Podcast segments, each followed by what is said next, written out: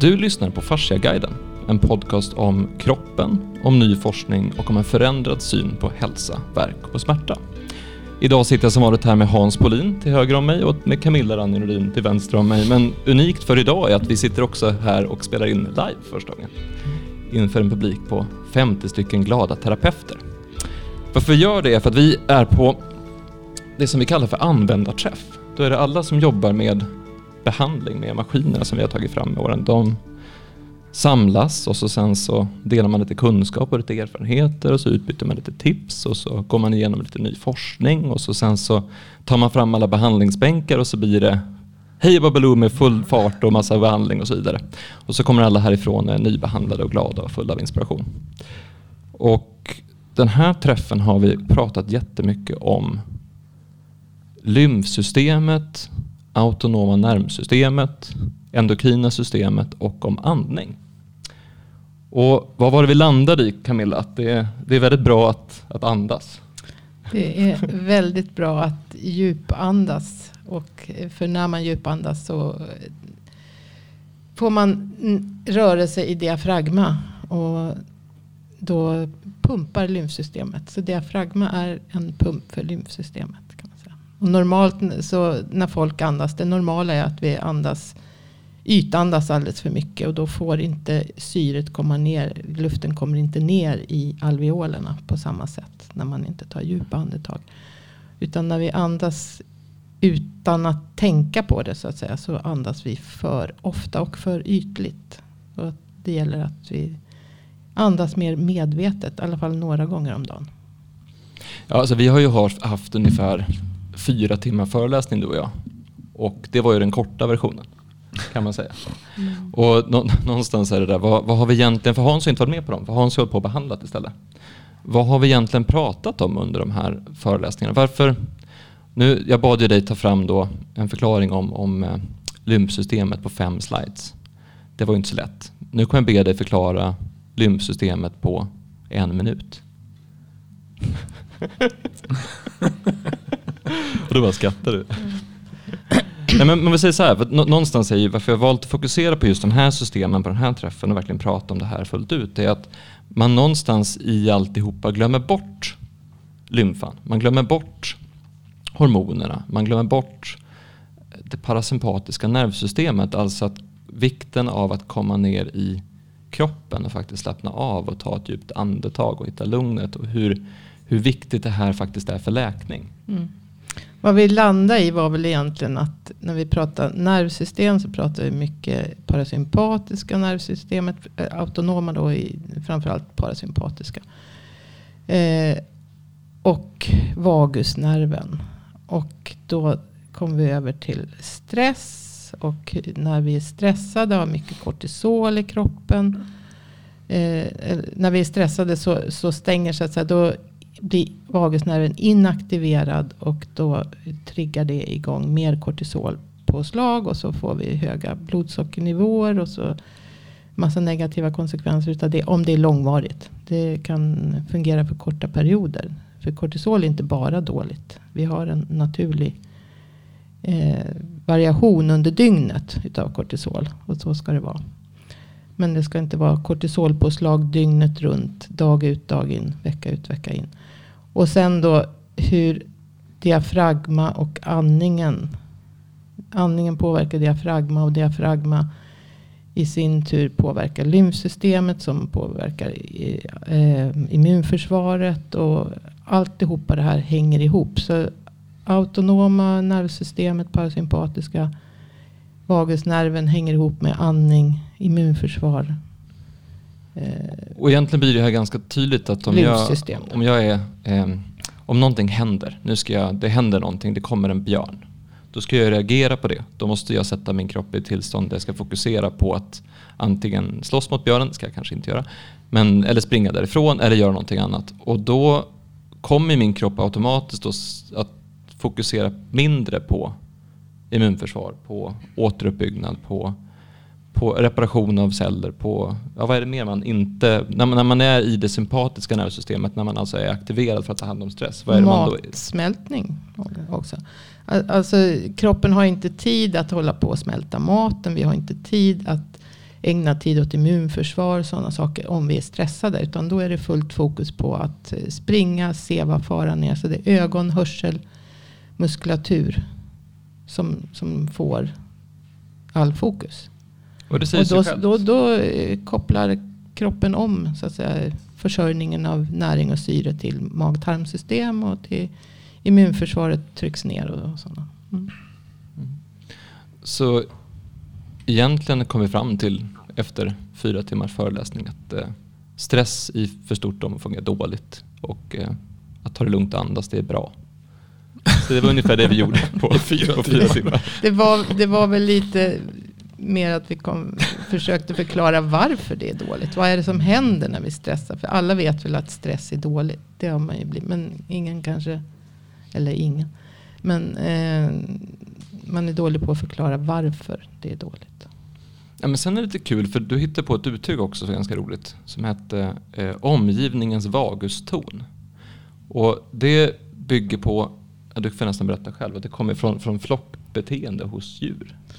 Jo men precis, därför att man pratar om flockdynamiken hos djur. Att den måste fungera för att djuren inte ska stressas. Om flockdynamiken inte fungerar så blir hela flocken mår dåligt så att säga. Så då tänkte jag, det är ju samma sak som omgivningen. Alltså min sfär runt omkring. Hela det här rummets vaguston och eftersom att alla påverkar som, mig också så att säga. Så att om vi nu sitter i ett rum där folk tycker att det här är jättekul och de, tycker det, de, de känner med oss och så här, tycker att oh, men gud vad kul det är att sitta och lyssna på den här livepodden. Då kommer du successivt att bli lugnare och mer avslappnad. Det ser man på en gång att hon är. Hon tycker det är jättetrevligt här. Ja. Alls. Nej, men för det, det är någonting med att, inte bara det här med att det är viktigt för oss att hitta lugnet, att hitta den här lugna stunden för oss själva, utan också att vara i miljöer med andra människor Mm. som är lugna eller trygga eller harmoniska. Och hur svårt det är att göra någonting som är så när man är eh, stressad. Mm. Och ni har ju hållit på med behandling i fyra timmar då, medan vi har hållit föreläsning. Mm. Vad, har, vad är dina slutsatser från, från den perioden? Eller vad har du fått sam- Det är samma sak varje gång man gör det här. För på användarträff så säger man att de ska göra någonting, de här användarna. Och Ivar är ganska bra på att ge dem en instruktion vad de ska göra och de gör något helt annorlunda i princip. Så de börjar i fem minuter, sen är det fri, sen fri körning. Så det, det är rätt intressant med terapeuter när man börjar behandla för de är som inne i sin de är inne i en annan vagusnerv då. De, är inne, de håller på lite hur som helst. Nej, men det är jätteintressant att se vad terapeuter jobbar. Och det blir ju ett, det blir också ett lugn i behandling är ju lugnare. Det, blir, det, blir, det skapar ju en trygghet och harmoni och ro i rummet. Och eh, då släpper mycket saker. Jag tror att det som man, man, man ska man kanske reflektera på det är hur extremt utsatta vi är för stress. Alltså, i, alltså vilken, vilken varvtal alla ligger på. Ehm, och hur svårt det är att, att varva ner. Och jag tror det finns väl många exempel på kunder eller patientkunder man har haft som inte kan byta struktur utan de är hela tiden i en, i en stressloop. Vilket gör att det är väldigt svårt för dem att läka, läka överhuvudtaget. Eh, det finns ju många som sover dåligt och det, då är det ju svårt, alltså man inte kan vila. Så det är nog mycket viktigare än man tror att försöka att hitta lugn och ro. Ja, vi pratar mycket om att egentligen så, ja, först ska jag bara säga om det här med, eh, med när man ser terapeuterna jobba. Och det är bra att känna till för alla som någon gång har funderat på att besöka en terapeut eller som, som besökt en terapeut. Att det är otroligt häftigt att se vilket fokus man lägger ner på behandlingen. Det är så mycket fokus på behandlingen att det är svårt att nå personen om man inte är inne i det fokuset. Man går verkligen in med hela, Ja.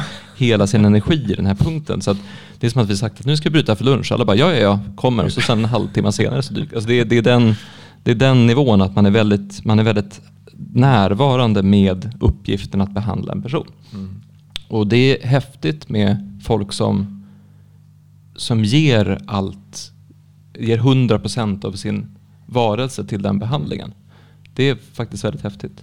Och fysisk behandling är ju, vi är fysiska varelser så fysisk behandling är ganska intressant vad som kan hända. Det fick vi ju se både igår och idag att hur mycket, hur mycket kort behandling kan ändra väldigt mycket på en gång. Eh, och hur, hur känsliga vi är för fysisk beröring och fysisk behandling. Mm.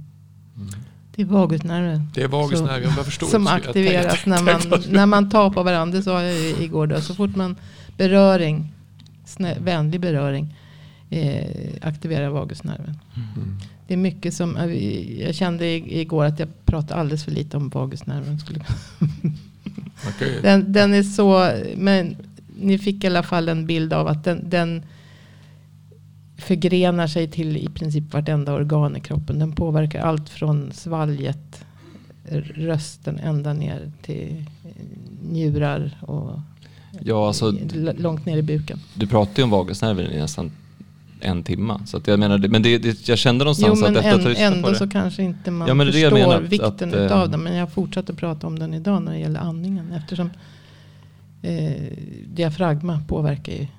Men det är ju ett uppslag för ett nytt avsnitt av podden tycker jag. För vi har pratat om det här med vagusnerven tidigare. Så det blir väl ett kommande avsnitt där vi fördjupar oss i det. Men jag tänkte vi skulle öppna upp lite grann för, för frågor från eh, publiken. För vi, ändå, vi sitter ju ändå här med publik som faktiskt också har varit med på det här och undrar saker. Eh, jag tänkte en aha-upplevelse jag fick först bara som introduktion till den var, för vi pratar just om hur viktigt andning är. Och så har vi pratat mycket om hur viktigt det är med, med livsstil. Men sen har vi också pratat om hur svårt det kan vara att faktiskt byta. Om man är som den här personen du beskrev som är så stressad att man har svårt att komma ner. Det är inte bara att skärpa till sig och börja, börja andas utan det kräver ju en det kräver någonting av en. Det är nästan som träning att Det andas. kräver någon, en, en, livs, alltså en förändring. Så många, en del som har väldigt stora problem, de måste göra, de måste göra mycket förändringar. Eh, och det kan ju vara så att förändringen som kanske måste göras för det, de, alltså, eh, om det är jobbigt på jobbet och jobbet är orsak till att man hela tiden är på, i varv. Antingen så ska man ju sluta jobba där eller ska man vara på ett annat sätt när man är där. Eh, och en arbetsmiljö som är jobbig, alltså psykiskt pressande, det kommer till slut att få fysiska problem. Och då går det inte att gå till, om, alltså, man går till en terapeut och så ska jag försöka hjälpa henne. Eh, att att eh, på en timme eller på 50 minuter försöka att få hennes kropp att sätta igång. Samtidigt som hon då eh, utsätter sig för stress, alltså kronisk stress, åtta timmar om dagen. Det är, ju, det är det som är lite intressant att se. Vad, vad, vad förväntar sig egentligen kunder att de ska få för hjälp? För det är egentligen de som ska hjälpa sig själva. Det som vi kan göra är att försöka sätta fart på saker och ting och se att, att man kommer, eller inte sätta fart men komma ner i ett annat mod så att man, kroppen kan börja läka. Um. Mm. Ja, och det vad jag tänkte vikten av eh, behandling och hållning. För Ja. Jag fick ju den aha-upplevelsen här nu själv. Idag, igår. När jag fick behandling. Och liksom, jag har ju vetat om det här med andningen. Men jag har ju inte lyckats andas. Och det har ju berott på att jag hade sån otroligt dålig hållning. Hela min högersida. Så nu har jag, fick jag ju behandling som efter massor av år släpper alltså hela eh, min högra lunga som har varit helt tilltryckt sedan tre och ett halvt år tillbaka. Jag trodde du var expert på att andas efter nu. Nej, men ja, teoretiskt. Men det har inte, jag har ju inte lyckats. Jag, jag har ju kämpat med den där andningen. Men jag har ju inte fått. Jag känner ju att jag. Så det är inte bara att andas. Man måste ju se till. Nu fick jag ju loss lungan. Och efter den behandlingen så hostar jag i en och en halv timme. Tills det, och, och jag har harklat mig i tre och ett halvt års tid. Mm -hmm. Efter min lunginflammation för tre och ett halvt år sedan. Och nu så släpper det. Och efter en och en halv timmes hostande igår kväll så bara tvärstopp. Ingen harkling, ingenting. Mm. Sov, du gott jag, i, sov du gott i natt då? Ja, fast jag vaknade med huvudvärk. jag vill andas för mycket. Jag har aldrig varit så slut efter en behandling som igår kväll heller. Jag, kände mig, jag sa ju det till dig. Jag kände, jag, jag kände mig helt som att jag vore på örat. Alltså det, så jag sa jag till dig att jag kommer i alla fall inte vakna med baksmälla imorgon. Men det, Men det gjorde du. Det gjorde, det, det gjorde jag fast jag drack vatten. Ja. Ja. Jag hade inte ont i huvudet fast jag drack vin. Ja. Så det är olika i alla fall. Men ja. så jag, jag fick en rejäl baksmälla utav behandlingen, det kan man ju säga. Mm. Men hur mår du idag då?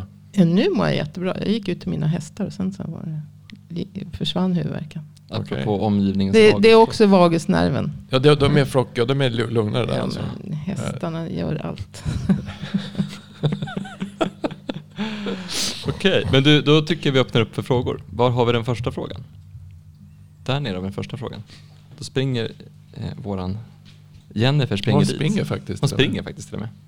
Jag har hört att man inte tar upp zink om du har lågt blodtryck. Stämmer det? Man inte tar upp zink om man har lågt blodtryck. Gud, det kan inte jag svara på. Du kan väl gissa? måste, måste jag ju fundera. Jag har inte tid att fundera i livesändning. Men om vi säger så här då, vad händer i Eh. kroppen när man har lågt blodtryck? Det kan vi prata om. Vilka svåra frågor. Ja, kan vi ta en annan fråga istället? Ja, men vad händer i kroppen? Alltså, lågt blodtryck är ju, är det för lågt så, så då tuppar man ju av. Men att man, normalt säger man ju att lågt blodtryck så länge man står på benen. Så är det för lågt så blir det naturligtvis skadligt. Men så länge du står på benen och inte är yr så är lågt blod- blodtryck hälsosamt. Men sen kan det bli för lågt så att du inte Varför ska man inte Eh, kunna ta där, nej men alltså, för du behöver ha ett visst blodtryck för att du ska få ut näringen till cellerna också. Så eftersom det, eh, som jag pratade om förut, att det pressar ut blodplasman ur kapillärerna. Och så. så är det för lågt så kommer det inte ut tillräckligt ut i in- interstitiet till som sen ska vidare till cellerna. Men vad har zink Eh. för funktion i kroppen? Ja, så där på rak arm. Zink på, det är, kommer inte ihåg, men någon utav, alltså det har med immunförsvaret att göra därför att det påverkar någon utav reaktionerna med någon utav antioxidanterna som behöver ha zink för att, men jag kommer inte ihåg på. Men kan man inte slänga in en brasklapp att det är för lite C-vitamin då? Alltså med, med C-vitamin så går det bättre att ta upp.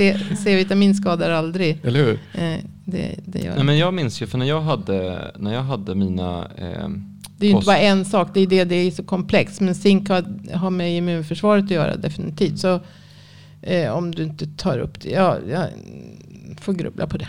För jag fick ju, jag, när jag, efter jag hade covid våren 2020, 2020 eh, så hade jag ju smak och framförallt luktproblem eh, ända till alltså hösten. Mm. Och då sa ju du att ta zink sa du så här. Ja, så gjorde jag det. Och så sen så frågade du hur mycket zink tar du? Jag tar en tablett per dag. Ta fyra sa du och se vad som händer. Och då vart jag ju av med det här problemet. Fast då- då kommer och, och jag, jag sa i, i, igår också att zink, eller att eh, det med lukt och smakbortfall, att det är för torra slemhinnor. För slemhinnorna måste hållas fuktiga för att du ska få någon input utav, utav smak, eller utav de små partiklarna som smak och, och luktreceptorer ska registrera. Så att, så att om slemhinnorna är för torra så, så tappar du smak och lukt.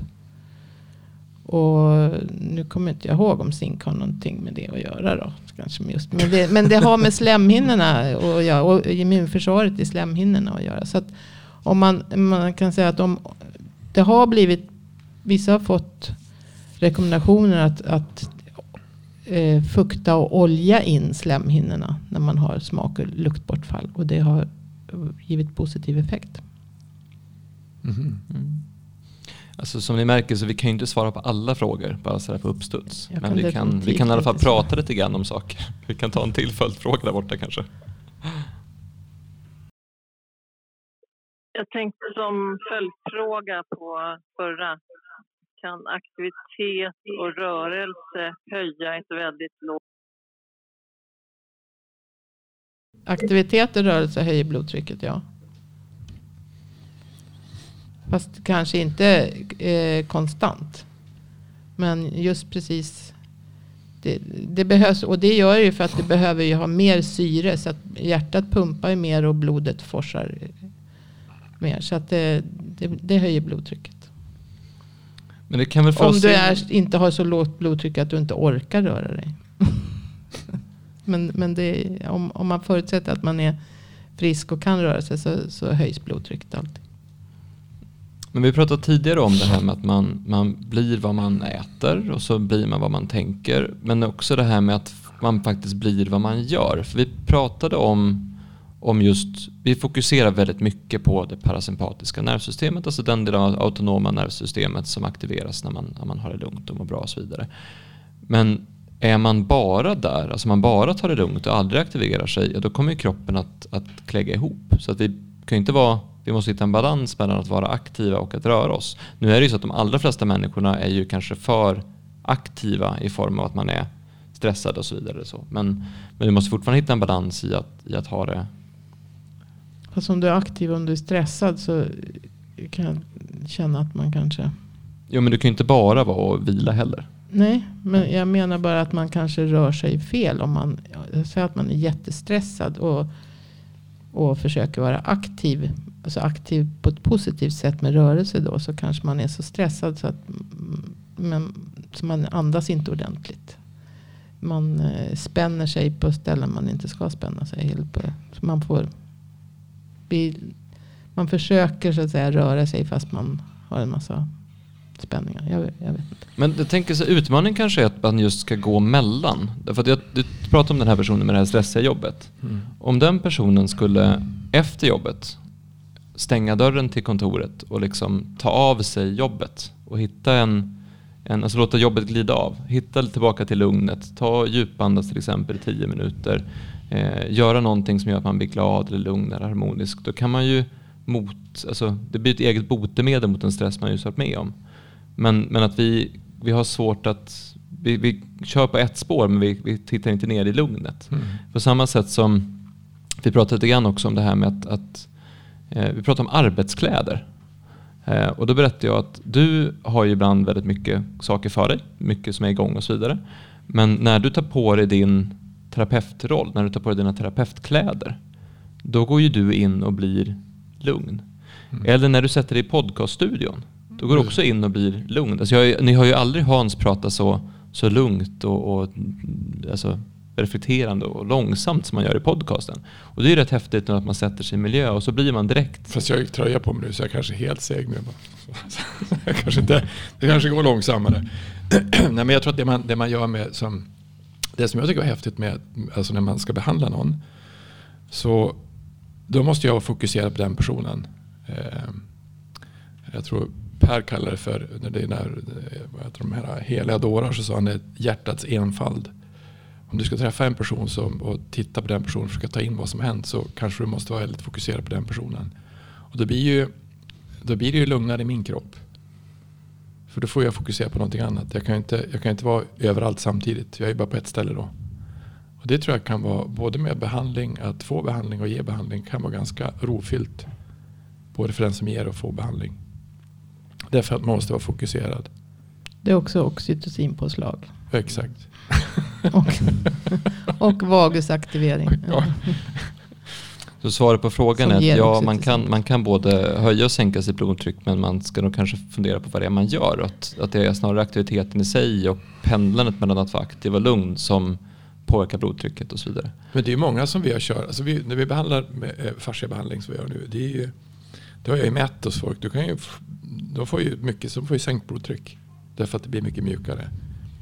Och det får man om man äter mycket C-vitamin också i och för sig. Men, men, men det är ju... Och magnesium. Och magnesium.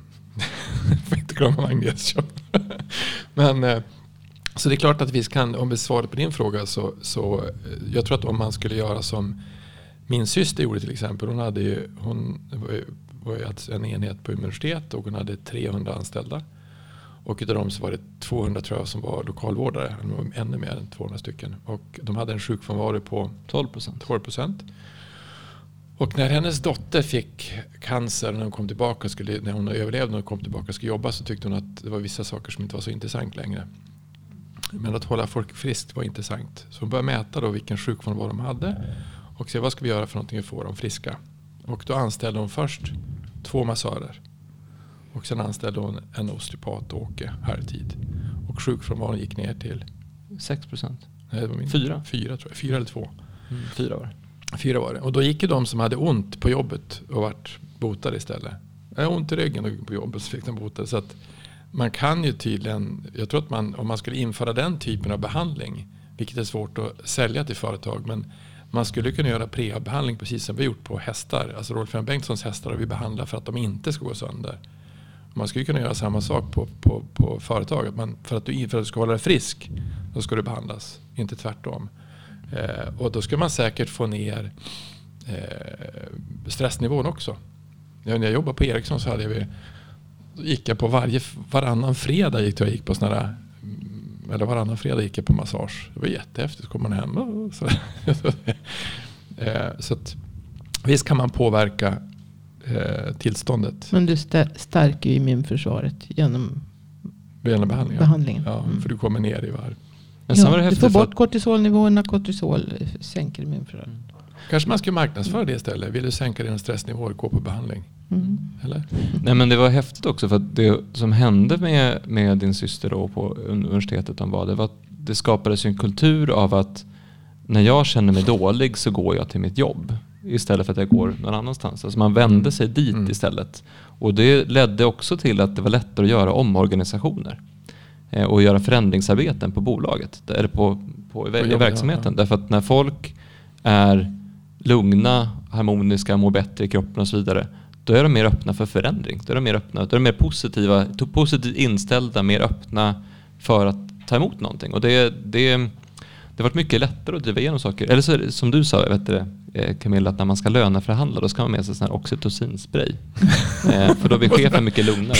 Det kan ni ta direkt som tips alla som lyssnar. Skaffa oxytocinspray. Eller så, eller så sitter ni och gnuggar er själva på bröstet så, här, så att ni skapar oxytocin. Och så sen så.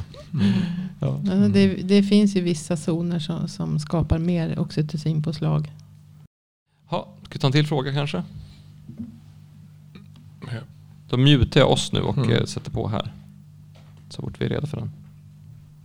Eh, Hur skiljer sig fasciamaskinen från en vanlig massagemaskin eller händer? Jag tänkte att vi kunde visa det sen. vi, ska vi, vi ska visa det sen. Det är svårt att göra i en, i en, Eh. poddstudio. Det som vi egentligen gjorde, eh, den maskin som, som, du, som vi säger som en farsamaskin som vi säljer, eller som vi har, som heter Atlas balansmaskin. Den är, ehm, eh, den är framtagen för att kunna påverka så mycket av flödet som möjligt i kroppen. Så den byter frekvenser som liknar kroppens egna frekvenser. Det visste vi inte men så är det. Vi tog fram från början. Och sen är den, eh, eh den är utvecklad för, att- för, för att användas av, av terapeuter. Ja, men tricket är att få någonting att gå långsamt. Alltså att få någonting att slå ganska fort, det är ganska enkelt. Men att få något att få ganska, slå ganska långsamt är lite svårare. Och det som händer med behandlingen är att du direkt kommer ner i aut- autonoma nervsystemet. Och det är den, det är den effekten som... Parasympatiska menar Ja, precis, Parasympatiska. Ehm, och, och, du har och, och du, som vi pratade med vagusnerven, du, du frigör från en annan typ av lugn och ro. Och när du har, alltså jag ska inte säga någonting negativt om en massagepistol eller någonting sånt, för det, det är jättebra på när man, i det syfte man använder dem.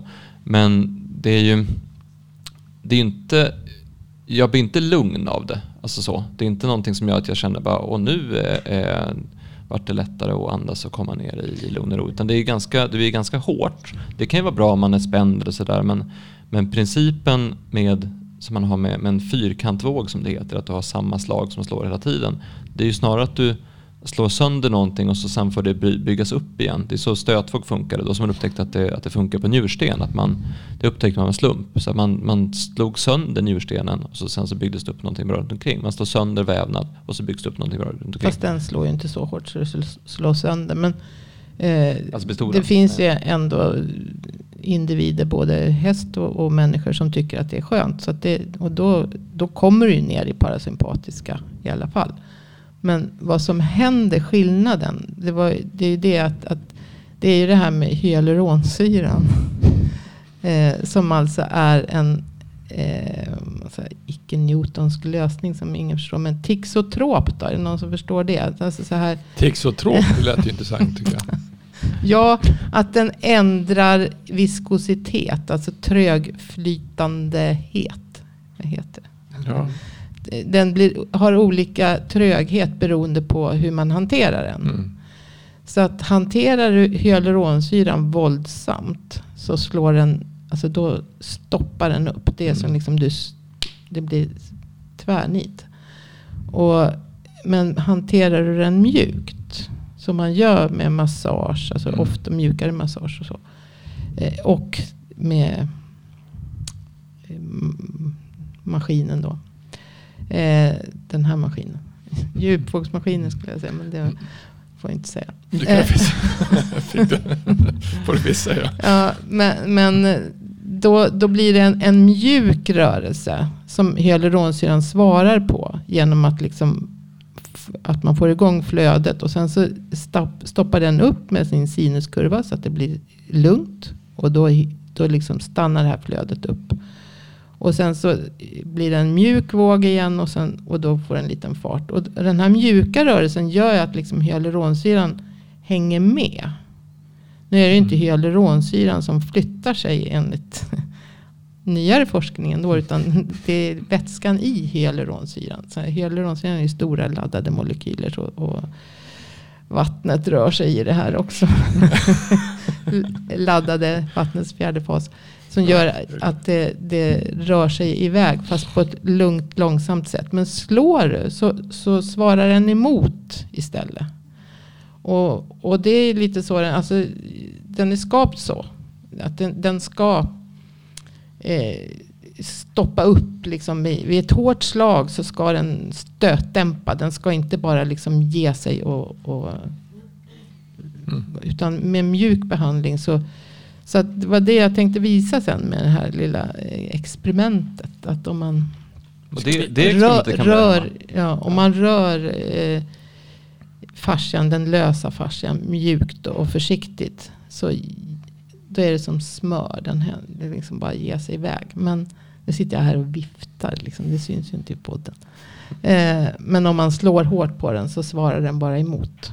Men det som vi egentligen gjorde på några grejer som var när vi hade haft användarmöten nu så har vi visat att man kan ändra trycket i leder, alltså ändra kompression. Mm. Och det är egentligen det som, då får du också en mjukhet ja. i, i vävnaden. Alltså, att den är tixotrop menar alltså den, den beter sig olika beroende på vilken rörelse den utsätts för. Den, eh, den, det vet ju alla att man, man, kan mjuka upp sig genom att när man börjar gå så är det jättetrögt. Sen efter ett tag när man har gått så, mm. så går det mjukare. Och det är hyaluronsyran som får en, en, mer, en, lätt, en eh, mindre viskositet. Sen om man värmer den eh, så, så blir den också mer lös lättflytande så att den blir, får en lägre viskositet. Blir den kall blir den trögflytande. Den får en högre viskositet. Nej, men som bilolja, den är, kallar man väl att den är tixotrop. Ja, exakt. det var det jag kände igen det ifrån. Ja, men precis. Eh, och färg kan också vara tixotrop. Men, men eh, ändrar du pH så blir den också, alltså för ett lägre pH blir den mer trögflytande. Ett, ett högre pH blir den mer lättflytande. Klimatkänslig alltså? Den är klimatkänslig. Och den, men den, är, den är, ska vara skapt. Så, så det, med värme, det är, ju, det är ju det som händer också när vi masserar. Vi får ju värme mm. på, på ytan. Kanske inte så långt ner på djupet. Men vi får värme på ytan så att vi glider lättare. Tar vi en varm dusch så blir det mm. lättare att röra sig. Vi blir mjukare. Mm. Eh, det är ganska, alltså det är inte så långvariga effekter. Men, men då kan det i alla fall göra att, att vi kommer igång. Och när vi väl kommer igång och börjar röra oss. Då håller den ju igång av sig själv. Därför att rörelse får den mer lätt, mm. lättflytande. Så att eh, crème fraîche också tixotrop.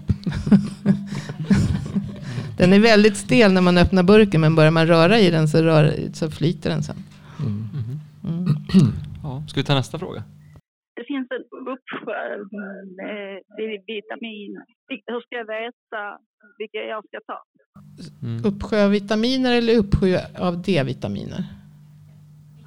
Alla. Alla, alla, vitaminer. alla vitaminer. Vilka vitaminer ska man ta? Ja. ja. det, det beror ju på vad man tror att man har brist på så att säga. Men, men vad, vad man alltid brukar ha brist på. De allra flesta människor har brist på så är ju D-vitamin och C-vitamin. Så. D-vitamin, då, säger, men då, då, då, då säger att man ska ta, vad, vad, säger, vad säger vad är Livsmedelsverket, Läkemedelsverket, Livsmedelsverket som säger att man ska ta D-vitamin? Hur mycket ska man ta enligt Livsmedelsverket säger är det 80, 90, nej. Mm, jag kommer inte ihåg vad de har för rekommendation. Alltså, ja. Fyra.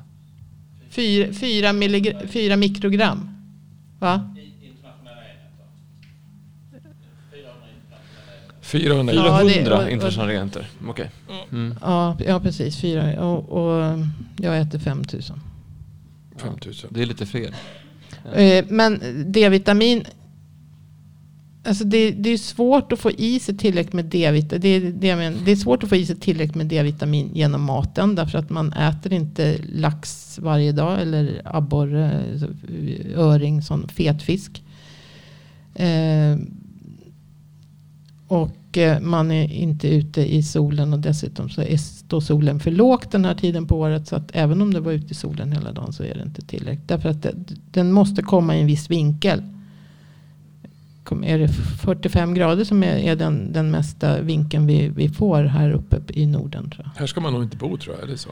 Nej, och det är därför vi har blivit vithudade. För att vi ska ta åt oss solen mer då. Men jag tycker inte ens om att vara i solen. Inte, på, mitt, inte mitt i sommaren. När det är, så, så, och alla äldre då som har alltså D-vitamin ifrån solen måste vi, dels måste vi ha ett kolesterol, typ av kolesterol i huden som i sen, sin tur omvandlas till vitamin D3 och som sen i sin tur omvandlas till en, en, en annan variant, aktiv variant av D-vitamin. Och det här sker i lever och njurar tror jag. men sen är det en sak men, som... Men, ja. men, men, eh, och ju äldre man blir, ju torrare blir man i huden. Så man har inte så mycket kolesterol i huden längre. Och mm. därför tar man åt sig mindre när man blir äldre. Så att äldre människor, och som dessutom vistas inne väldigt mycket, har alltid D-vitaminbrist. Mm. De kan inte äta mat som gör att vi får i oss. Och det lilla man tillsätter som till, det är inte ens säkert att de äter mjölkprodukter så där det är tillsatt. Då. Så att, eh, D-vitamintillskott är väl liksom det måste, det måste i princip alla ta. Och, och likadant om man är färgad och bor här uppe så får man ju, då har man ju ett skydd, ett melaninskydd i huden som gör att man inte ska, därför att de är ju, liksom där nere i, runt ekvatorn har man ju en helt mycket starkare sol, eller alltså en helt annan vinkel mm. och mera sol. Så då måste man skydda sig mot det, för det är inte bra med för mycket. Nej. Och här uppe klarar de inte av det och bilda det, D-vitaminet. Så D-vitamin ska man äta 5000? D-vitamin och D-vitamin. Man kan ta prov varje år och kolla sin D-vitaminhalt så att man inte får för mycket. För D-vitamin är lätt att testa. Och det, sen är det många som säger att det är en massa. Att D-vitamin lagras i fettet. Ja. Så att man liksom bygger på det. Men det är massor med, med försök som gjorde att det är. Nästan ingen har för mycket. Nej, och det, de nackdelar, alltså det är så många faktorer som påverkar så att det, det är inte säkert att det är just D-vitaminet som, som då orsakar. För eh, man kan säga att eftersom D-vitamin har med kalciumupptag att göra också. Så, men det har ju så otroligt mycket med, med immunförsvaret att göra. Men just det här med kalcium, att man får problem med det då. Olika eh, kalk. Mm, pålagringar eller inlagringar med reumatism och sådana saker. Men det, det kan också vara eh, andra faktorer som påverkar det så att säga. Så att, D-vitamin. Man ska inte bara skylla på D-vitaminet. C-vitamin. Hur mycket C-vitamin ska man äta då? D-vitamin ska man äta tills Men, man blir lös i magen. Eh, C-vitamin. D-vitamin eller C-vitamin. Eh, sa jag D-vitamin? Ja. C-vitamin eh, ska man ju det, det, är en konst att ta C-vitamin. Som de säger forskarna. Men för då ska man ju ta det.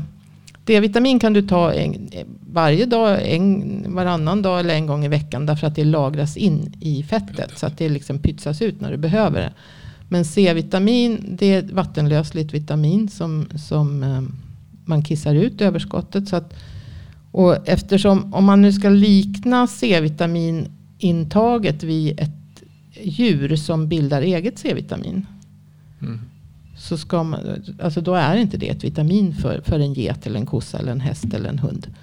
Eh, utan då är det mer ett hormon. Eh, för de bildar det själv. Och då, då insöndras det i kroppen hela tiden. Det, det tillverkas i levern. Eh, och eh, vi saknar vi har det här. Det är fyra steg i levern som gör, tillverkar C-vitamin. Och det här fjärde steget, det, det enzymet är inaktiverat hos primater. Konstigt. Alltså, och vi är en primat. Um, så då, då har inte vi den funktionen. Men, men, så vi kan inte bilda C-vitamin. Men då då måste vi alltså ta C-vitamin flera gånger under dagen för att få hålla den här nivån. Eftersom C-vitamin, när man tar en dos så lagras det in, de celler som behöver det snor åt sig det. Men sen så eh, hinner vi inte ta upp allt utan vi kissar ut om vi tar för mycket. Och då är det bättre att ta det liksom med jämna mellanrum under dagen. Så helst minst fyra gånger om dagen. Jag, jag kan nog ta fler. Är man dålig eller mår risigt. Eh, stressad, huvudvärk. Så, så, så kan man ta det varje timme. Jag fick förkylning. Jag tog 62 gram på ett dygn. Mm. Och inte hård. Alltså fortfarande inte diarré. Och det är också något som man kan säga att man, de brukar säga att man ska ta C-vitamin eh, så många gånger om dagen som man orkar. Men upp till de doser när man, där man börjar få diarré. Och, sen, och där stoppar man och så minskar man kanske något gram. Dygn. Man minskar ett gram då, då så att man inte, så man, man, för då blir man direkt bra i magen igen. Men, och så håller man sig där. Men blir man sen stressad eller har sovit dåligt. Eller någonting, eller sjuk. Det är också en stress. Så ska man öka dosen. Och då, men ponera nu, säg att jag tål 10 gram om dagen. Mm. Alltså det är olika på vad folk tål. Om jag tål 10 gram om dagen. Om jag äter mer så kanske jag får bli dålig i magen. Det är, inte, det är ingen farlig, alltså det är bara att man blir lös i magen. Så det är bara att dra ner. Mm. Men om jag då blir sjuk eller känner mig stressad. Så kanske jag kan öka till 20 gram utan att bli dålig i magen. Så Mm. det, det är sån variation i när man blir dålig. Just bara beroende på hur mycket kroppen behöver. Därför att om jag är stressad och sjuk så kanske jag behöver, tar åt mig de här 20 grammen på ett annat sätt. Sen tar man inte åt sig. Eh, man får sämre och sämre upptag ju mer man tar. Men samtidigt, alltså, säg att man tar, man tar ett gram så kanske man tar åt sig 80 procent. Tar du då 3-4 gram så kanske du tar åt sig 50 procent av det. Men, men det blir ändå mer C-vitamin för varje gram du tar. Så att säga. Det är ändå... Det är så som, alltså det, det finns så mycket forskning på C-vitamin. Det finns ju en svensk bok vi har gett, gett alla som är här nu som heter, vad heter det? Naturliga universalmedlet. Mm. Vad tycker du om den då? Ja, det är ju guld eftersom den är på svenska så den är mer lättläst för, för folk. Det är ju återigen Thomas Levi, eh, hjärtläkare, forskare som är orto, ortomolekylär medicinare eh, i USA. Som eh, pensionerad nu men håller på med just D-vitamin, C-vitamin, magnesium. Skriver han ju mycket om. Och, mm, han har skrivit den här boken 2011. Han har skrivit många böcker om C-vitamin. Men just den här var skriven 2011. Och sen så kom det en svensk översättning på den nu 2000, eller 2021. Mm. Och den är, alla hans böcker har cirka tusen referenser med i bak. På allt han skriver om. Så att han, han är liksom forskare? Ja, det, det, nej, det, han har trams. liksom belägg för det. Han, han, och han är, han är hjärtläkare som sagt. Så han, han har sett så mycket positiva effekter. Han har ju skrivit många. Han har skrivit någon som heter eh, ja, någonting om Amerikas first killer eller vad den heter. Men, men och menar på att det är bristen på C-vitamin och, Mm. och den dåliga maten. Som, för, För för, för maten idag innehåller inte C-vitamin eftersom så fort man värmer upp den, så fort man börjar processa den. Så, så när vi processar den, säg bara att man egentligen gör en smoothie. Mm. Så har du vispat runt och blandat i massa syre i det där. Så Det bra, väldigt alltså, det är inte bra. fort så försvinner C-vitaminet. Så så jäkla nyttig är inte den där smoothie. Och inte om man tittar på C-vitamin. Sen finns det ju massor med andra saker som är nyttigt i en smoothie. Mm. Men Men, men C-vitaminer försvinner alltså när du vispar, eh, rör om in luft, när det får stå. Eh, och minsta lilla du värmer upp det. Det tål inte mycket värme. C-vitamin, är och det är därför det, det är en extra effektiv antioxidant. Det är därför det oxideras För så fort med syre. ja. Det, så det är liksom dubbelt då. Alltså det, det är effektivt men det är också väldigt lätt förstört då. För en oxiderad variant, det är samma sak om, om man köper C-vitaminpulver, askorbinsyra. Mm. Och låter det stå i luften så är jag tveksam till att hur länge det håller egentligen. Mm. Eh, och blandar ut det med vatten så, så håller det inte länge. Så det är ingen vits att blanda en flaska med flera gram C-vitamin och ha och smutta på under dagen. Nej. För då är det inte så mycket. Som, ja, ja, alltså vits är det väl, du får ju i dig någonting. Men det har förstört väldigt mycket på vägen. Men Susan Herford hade, hon, hon tog C-vitamin i näsan eller var det under? Hon tog askorbat. Hon tog natriumaskorbat. Och det är alltså ett salt utav C-vitamin. Okej, Och så sniffade hon Så det, det är inte så, det, det är ju då neutraliserat så att det inte fräter. blir syrigt, syra i magen. För det, det kan vara lättare att tåla större mängder utav askorbat än vad det är att tåla askorbinsyra. Mhm. Och sen har vi liposomalt C-vitamin som är Kanon. inbakat i små fettdroppar som tas upp mycket Mm. bättre. Och så magnesium ska man också ta. Mm. Nu gjorde vi just en podd. Du bara flinar och retas.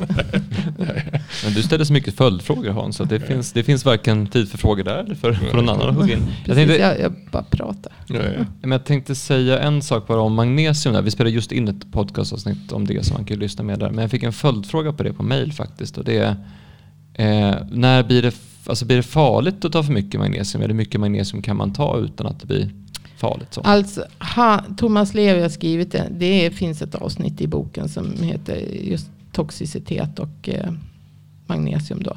Det är väldigt ovanligt med eh, magnesiumförgiftning. Och innan den blir allvarlig så börjar man må illa och bli dålig i magen. Du har diarré och mår, mår illa långt innan. Alltså då innan det blir farligt. Men gud vad praktiskt, för då för det mig tillbaka till slutsatsen här kring, kring hur, vilka vitaminer man ska ta och så vidare. För jag har börjat ställa... Jag har inte svarat på det. Men, men magnesium är inget vitamin, det är ju en mineral. Så Ja. att därför, ja. men, men som Thomas Levi säger att magnesium, han, han menar på att, att han älskar ju C-vitamin. Så att det, det är så. Men han säger att magnesium till och med, om man bara ska ta en tablett så är det ju magnesium före C-vitamin. För C-vitamin kan du ju då försöka pula i dig paprika, paprika, paprika. Eh, rå. Så får du i alla fall i dig någonting. Sen finns det andra antioxidanter som också har. Men C-vitamin har ju inte bara antioxidanteffekt. Utan det är massa annat också. Men jag brukar alltid ge en motfråga tillbaka då. Det är ju vilka vitaminer och mineraler ska, ska du ta? Därför att tricket, alltså vi, vi, så, vi är så insnöade på att vi ska få ett recept. Att säga åt mig hur jag ska göra och hur jag ska leva så ska jag följa det här. Och där tror jag lite av problematiken ligger. För någonstans är ju min kropp är min kropp och din kropp är din- kropp och de funkar faktiskt olika. Det finns ju ingen kropp som är lik den andra utan jag måste hitta min, mitt sätt att leva på. Så då får man ju testa sig fram. Så man börjar med man kan börja med att ta just ja, C-vitamin, D-vitamin, magnesium. Finns det lite andra saker också man kan ta till det om man vill hålla på med sånt. Men sen får man ju se hur reagerar jag? Hur mår jag? Eh, jag har tagit 10 gram C-vitamin idag. För jag sov lite lite i natt. Så jag har varit lite trög och sådär. Då känner jag att min kropp är lite extra belastad och då har jag tagit C-vitamin för att få kicka igång systemet lite grann och låta det jobba. Och sen har jag hållit på med föreläsningar, det har varit mycket att hålla koll på och sådär. Då tar man mer. Eh, jag är fortfarande inte dålig i magen. Och ibland så tar man mindre. Ibland så, alltså man själv får titta på hur reagerar jag? Hur, hur mår jag av det som händer? Börja lära känna sin egen kropp. För det är det någonstans vi har, vi har ju slutat lyssna på vår kropp. Vi har ju slutat, eh, vi har till och med slutat andas. Mm. Som du pratade om idag. Eh, Och inte, ja, jag har ju pratat så mycket om det här med an- andningen. Men det har, har ju som sagt med evolutionen och utformningen av, av skallen och, och käkarna att göra också. Men att vi kan påverka det. Eh, Därför att vi, vi har fått en annan huvudform. Vi har fått trängre näshålor och trängre bihålor och, och trängre andningsvägar. Men att vi kan utveckla dem med hjälp av att eh, tugga mer också. För vi tuggar ju inte längre. Då tar vi nästa fråga. Fungerar fascian bättre om den är basisk? Fungerar fascian bättre om den är basisk? Ja, den ska i alla fall inte vara sur. Så att eh, då är det alternativet att den är ne- neutral eller basisk. Så något, den ska ju inte vara för basisk naturligtvis. Men något mer åt det basiska hållet. Strax över 7. Så att eh, det... Men det är väl också där som, som grejen är att skulle vi leva eh, på ett annat sätt. För nu gör vi väldigt mycket som faktiskt försurar kroppen också. Mm. I, i, Magnesium basar ju kroppen. Det är en mineral som basar. Eh, kalcium också. Men kal, kalcium säger, alltså Thomas Levi då. Han, han säger vi ska vara försiktiga med att ta kalcium. För han säger att kalciumintaget är den stora boven. Det är överskott på kalcium som gör mycket problem. De, allra, det finns folk som måste ta kalcium för att de har svårt att, eh, och inte, det, det vet jag exempel på. Eh, som, där det verkligen gäller att de får ta kalciumintag. Men generellt sett så ska man inte ta sådana här kalcium magnesium ihop. För att det, kalcium har vi inte brist på. De allra flesta här, har inte brist på kalcium. I alla fall inte om man äter. Det finns mycket grönsaker som innehåller kalcium. Men sen är många som äter mjölkprodukter har definitivt inte eh, brist på kalcium. Så att, eh, eh utan kalcium är istället stör väldigt mycket utav magnesium. Så vi har ett, ett felaktigt förhållande mellan kalcium och magnesium. De har gjort en, alltså om, om, om basis, de har gjort en, det finns en dokumentär om vatten. Jag kommer inte ihåg vad den heter nu, men då tar man och tittar på om du får dricker basiskt vatten. Eh, då förändras blodflödet, får mindre blod, alltså blodplättarna klippar ihop. Så att förmodligen är vi lite för sura i gemene alltså för sura och inte, inte så att basiskt är nog bättre än att vara, jag tror mer att vi är sura än basiska. Det, ja, fast vi ska inte vara så basiska så vi har lut. Nej, nej det sa jag. Nej, men alltså, det, det var inte mycket. De, hade, de drack alltså, i den så gjorde de ett blodprov, tittade hur blodplättarna såg ut. Och så drack de en deciliter vatten var alkaliskt, alltså mm. basiskt. Inte mycket pH8 kanske och det förändrade blodprättarna på en gång. Mm, om du tänker, alltså, blodet ska ju ha en, en, ett pH på cirka 7,35. Bara cirka? Och, ja, cirka 7,35. Jag tror, går det över 7,4 det är inte, det är, det är inte bra. Mm. Och, och, går det under 7, ja, det är strax under 7,35 så är inte det bra. Alltså, och då för, alltså det, det, här har vi ju system för, för att det blir livsfarligt. Mm. Så, att, så, att, kroppen måste hålla blodets pH väldigt konstant. Så vi inte drabbas av acidos, alltså om det blir för surt. Då, då, då det är inte bra. Då, då eh, lagrar ju kroppen in, försöker ju liksom gömma undan det här. Och, och, få, vi, vi, och det har ju också med andningen att göra, kommer på nu. För att vi andas ju, när vi andas effektivt så får vi ju ut koldioxid. Koldioxid försurar. Just det. det blir ju kolsyra mm. ihop med vatten. Så att eh, det andas vi ut koldioxid, andas vi ut ordentligt, tömmer lungorna så vi får ut koldioxiden och, och får in tillräckligt med syre. Då, då effektiviserar vi ju den utrensningen. Och, så andningen är ett av systemen för att eh, få bort syran i kroppen. Och sen har vi njurarna som hjälper till med, med pH, eh, vatten-pH-balansen. Eh, och eh, där, om inte de systemen fungerar riktigt så för, försöker kroppen också gömma undan det sura i fascian. Så fascian blir försurad. Ja, och det, alltså vi har ju allting som händer i kroppen så, så blir det en oxidativ stress. Och det är fullt normalt. Och det är inte, det är inte bara nackdel med de här oxidativa eh, radikalerna som, som bildas då, så att säga, de fri, fria radikalerna. Utan de behövs också för att bekämpa sjukdomar och, och sånt i kroppen. Men blir det för mycket så att inte kroppens egna system, vi har en massa egna system, en massa egna antioxidanter som vi producerar själva i kroppen. Glutation till exempel är en sån jätteeffektiv, den största antioxidanten som vi producerar. Dels blir det svårare med åldern, men, men eh, och oxidativ stress är ju en del av åldrandet. Så att kan vi liksom hålla nere, få i oss mer antioxidanter, äta det utifrån så att säga. Och så, och så håller vi också ner försurningen. Mm. För då hjälper vi till. Så att oxidativ stress och försurning är nära. Och ett väldigt enkelt sätt att göra det på är just att djupandas och då kan man andas via, man ska andas via näsan. Man tar och andas in ungefär 5 sekunder, 6 sekunder och andas ut 5-6 sekunder. Så man ska försöka komma ner på 6 andetag per minut. Det här kan vara lite jobbigt, alltså om man är ovan med det så bör man träna in det, att börja andas genom näsan.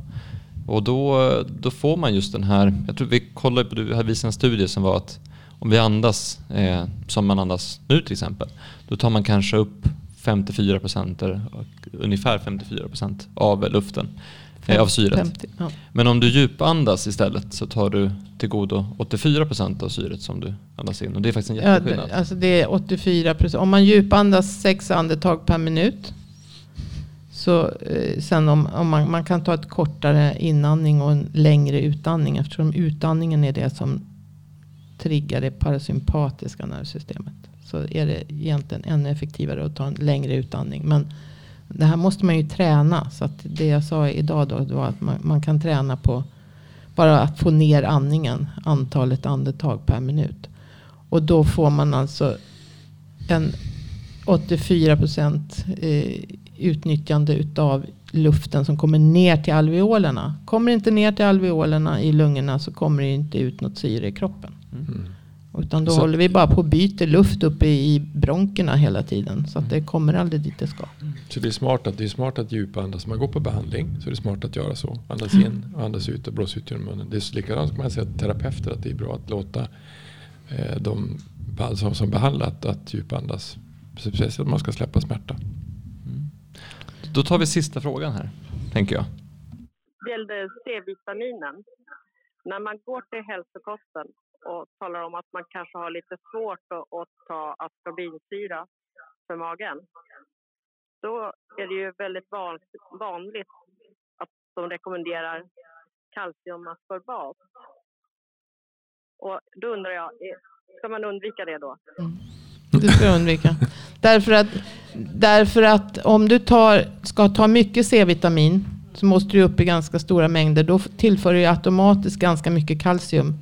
Och så, så det Levi säger, no no, inget kalciumaskorbat. Det finns natriumaskorbat, men det har jag inte hittat. Det, finns i det liposomala så är det natriumaskorbat. Men framför, jag äter magnesiumaskorbat. Då får du att jag tar fyra gram C-vitamin varje morgon när jag går upp. Innan jag går ut i stallet. Det är min flash upp på morgonen. För att då har jag hela natten varit utan C-vitamin. När kroppen måste reparera sitt kollagen och sådär. Så, så då tar jag direkt på morgonen fyra gram. Måste Det är en, för, en tesked natriumaskorbat. Eller vad säger jag? Magnesiumaskorbat. måste säga för att vara lite, vara lite nervös här för livepodden så tycker jag att du har pratat på ganska bra ändå. Hur kändes det att göra livepodd Camilla? Ja, det var inte jätteroligt. Men det, jag får liksom blunda och komma ihåg. Nej, jag, jag tycker det är roligt att prata om de här ämnena. Så att det, det, det är liksom då. Men det är ju inte jättekul. Det kan jag inte. Tycker man kom in i det efter ett tag. Det kanske blir någonting vi gör mer ofta. Vad säger du då Hans? Var det trevligt med livepodd? Ja, det tycker jag att det var. Men han är ju en teaterapa. jag, jag har ju bara suttit tyst nästan hela tiden. Jag har inte sagt nästan någonting. Vi har, ska vi ta med en sista fråga där borta?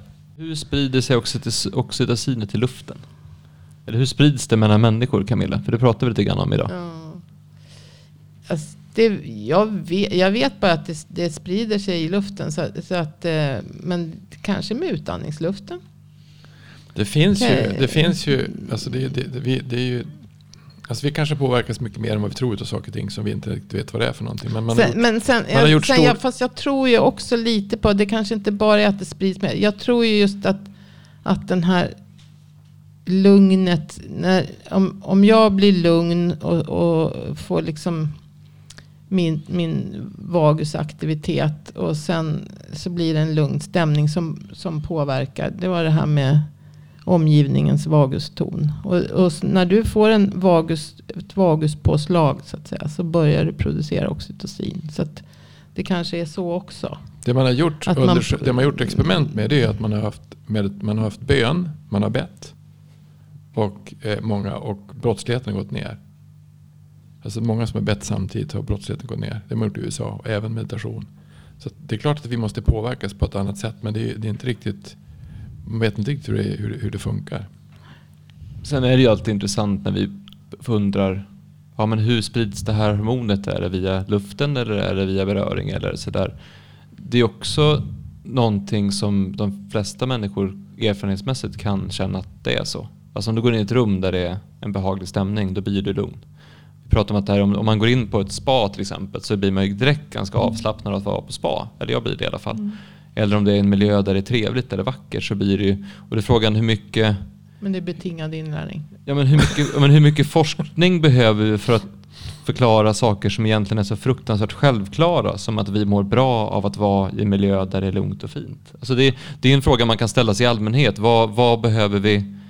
Behöver vi få svar från en rapport om, om hur livet fungerar egentligen eller ska vi bara vara ute och uppleva det? Och det, det kan man väl ha som, som slutkläm. Vi har diskuterat mycket under den här helgen också det kanske är så att vi ska faktiskt börja sluta läsa och vara så mycket upp i huvudet och så teoretiska och faktiskt börja vara mer. Mm. Uppleva saker och känna efter.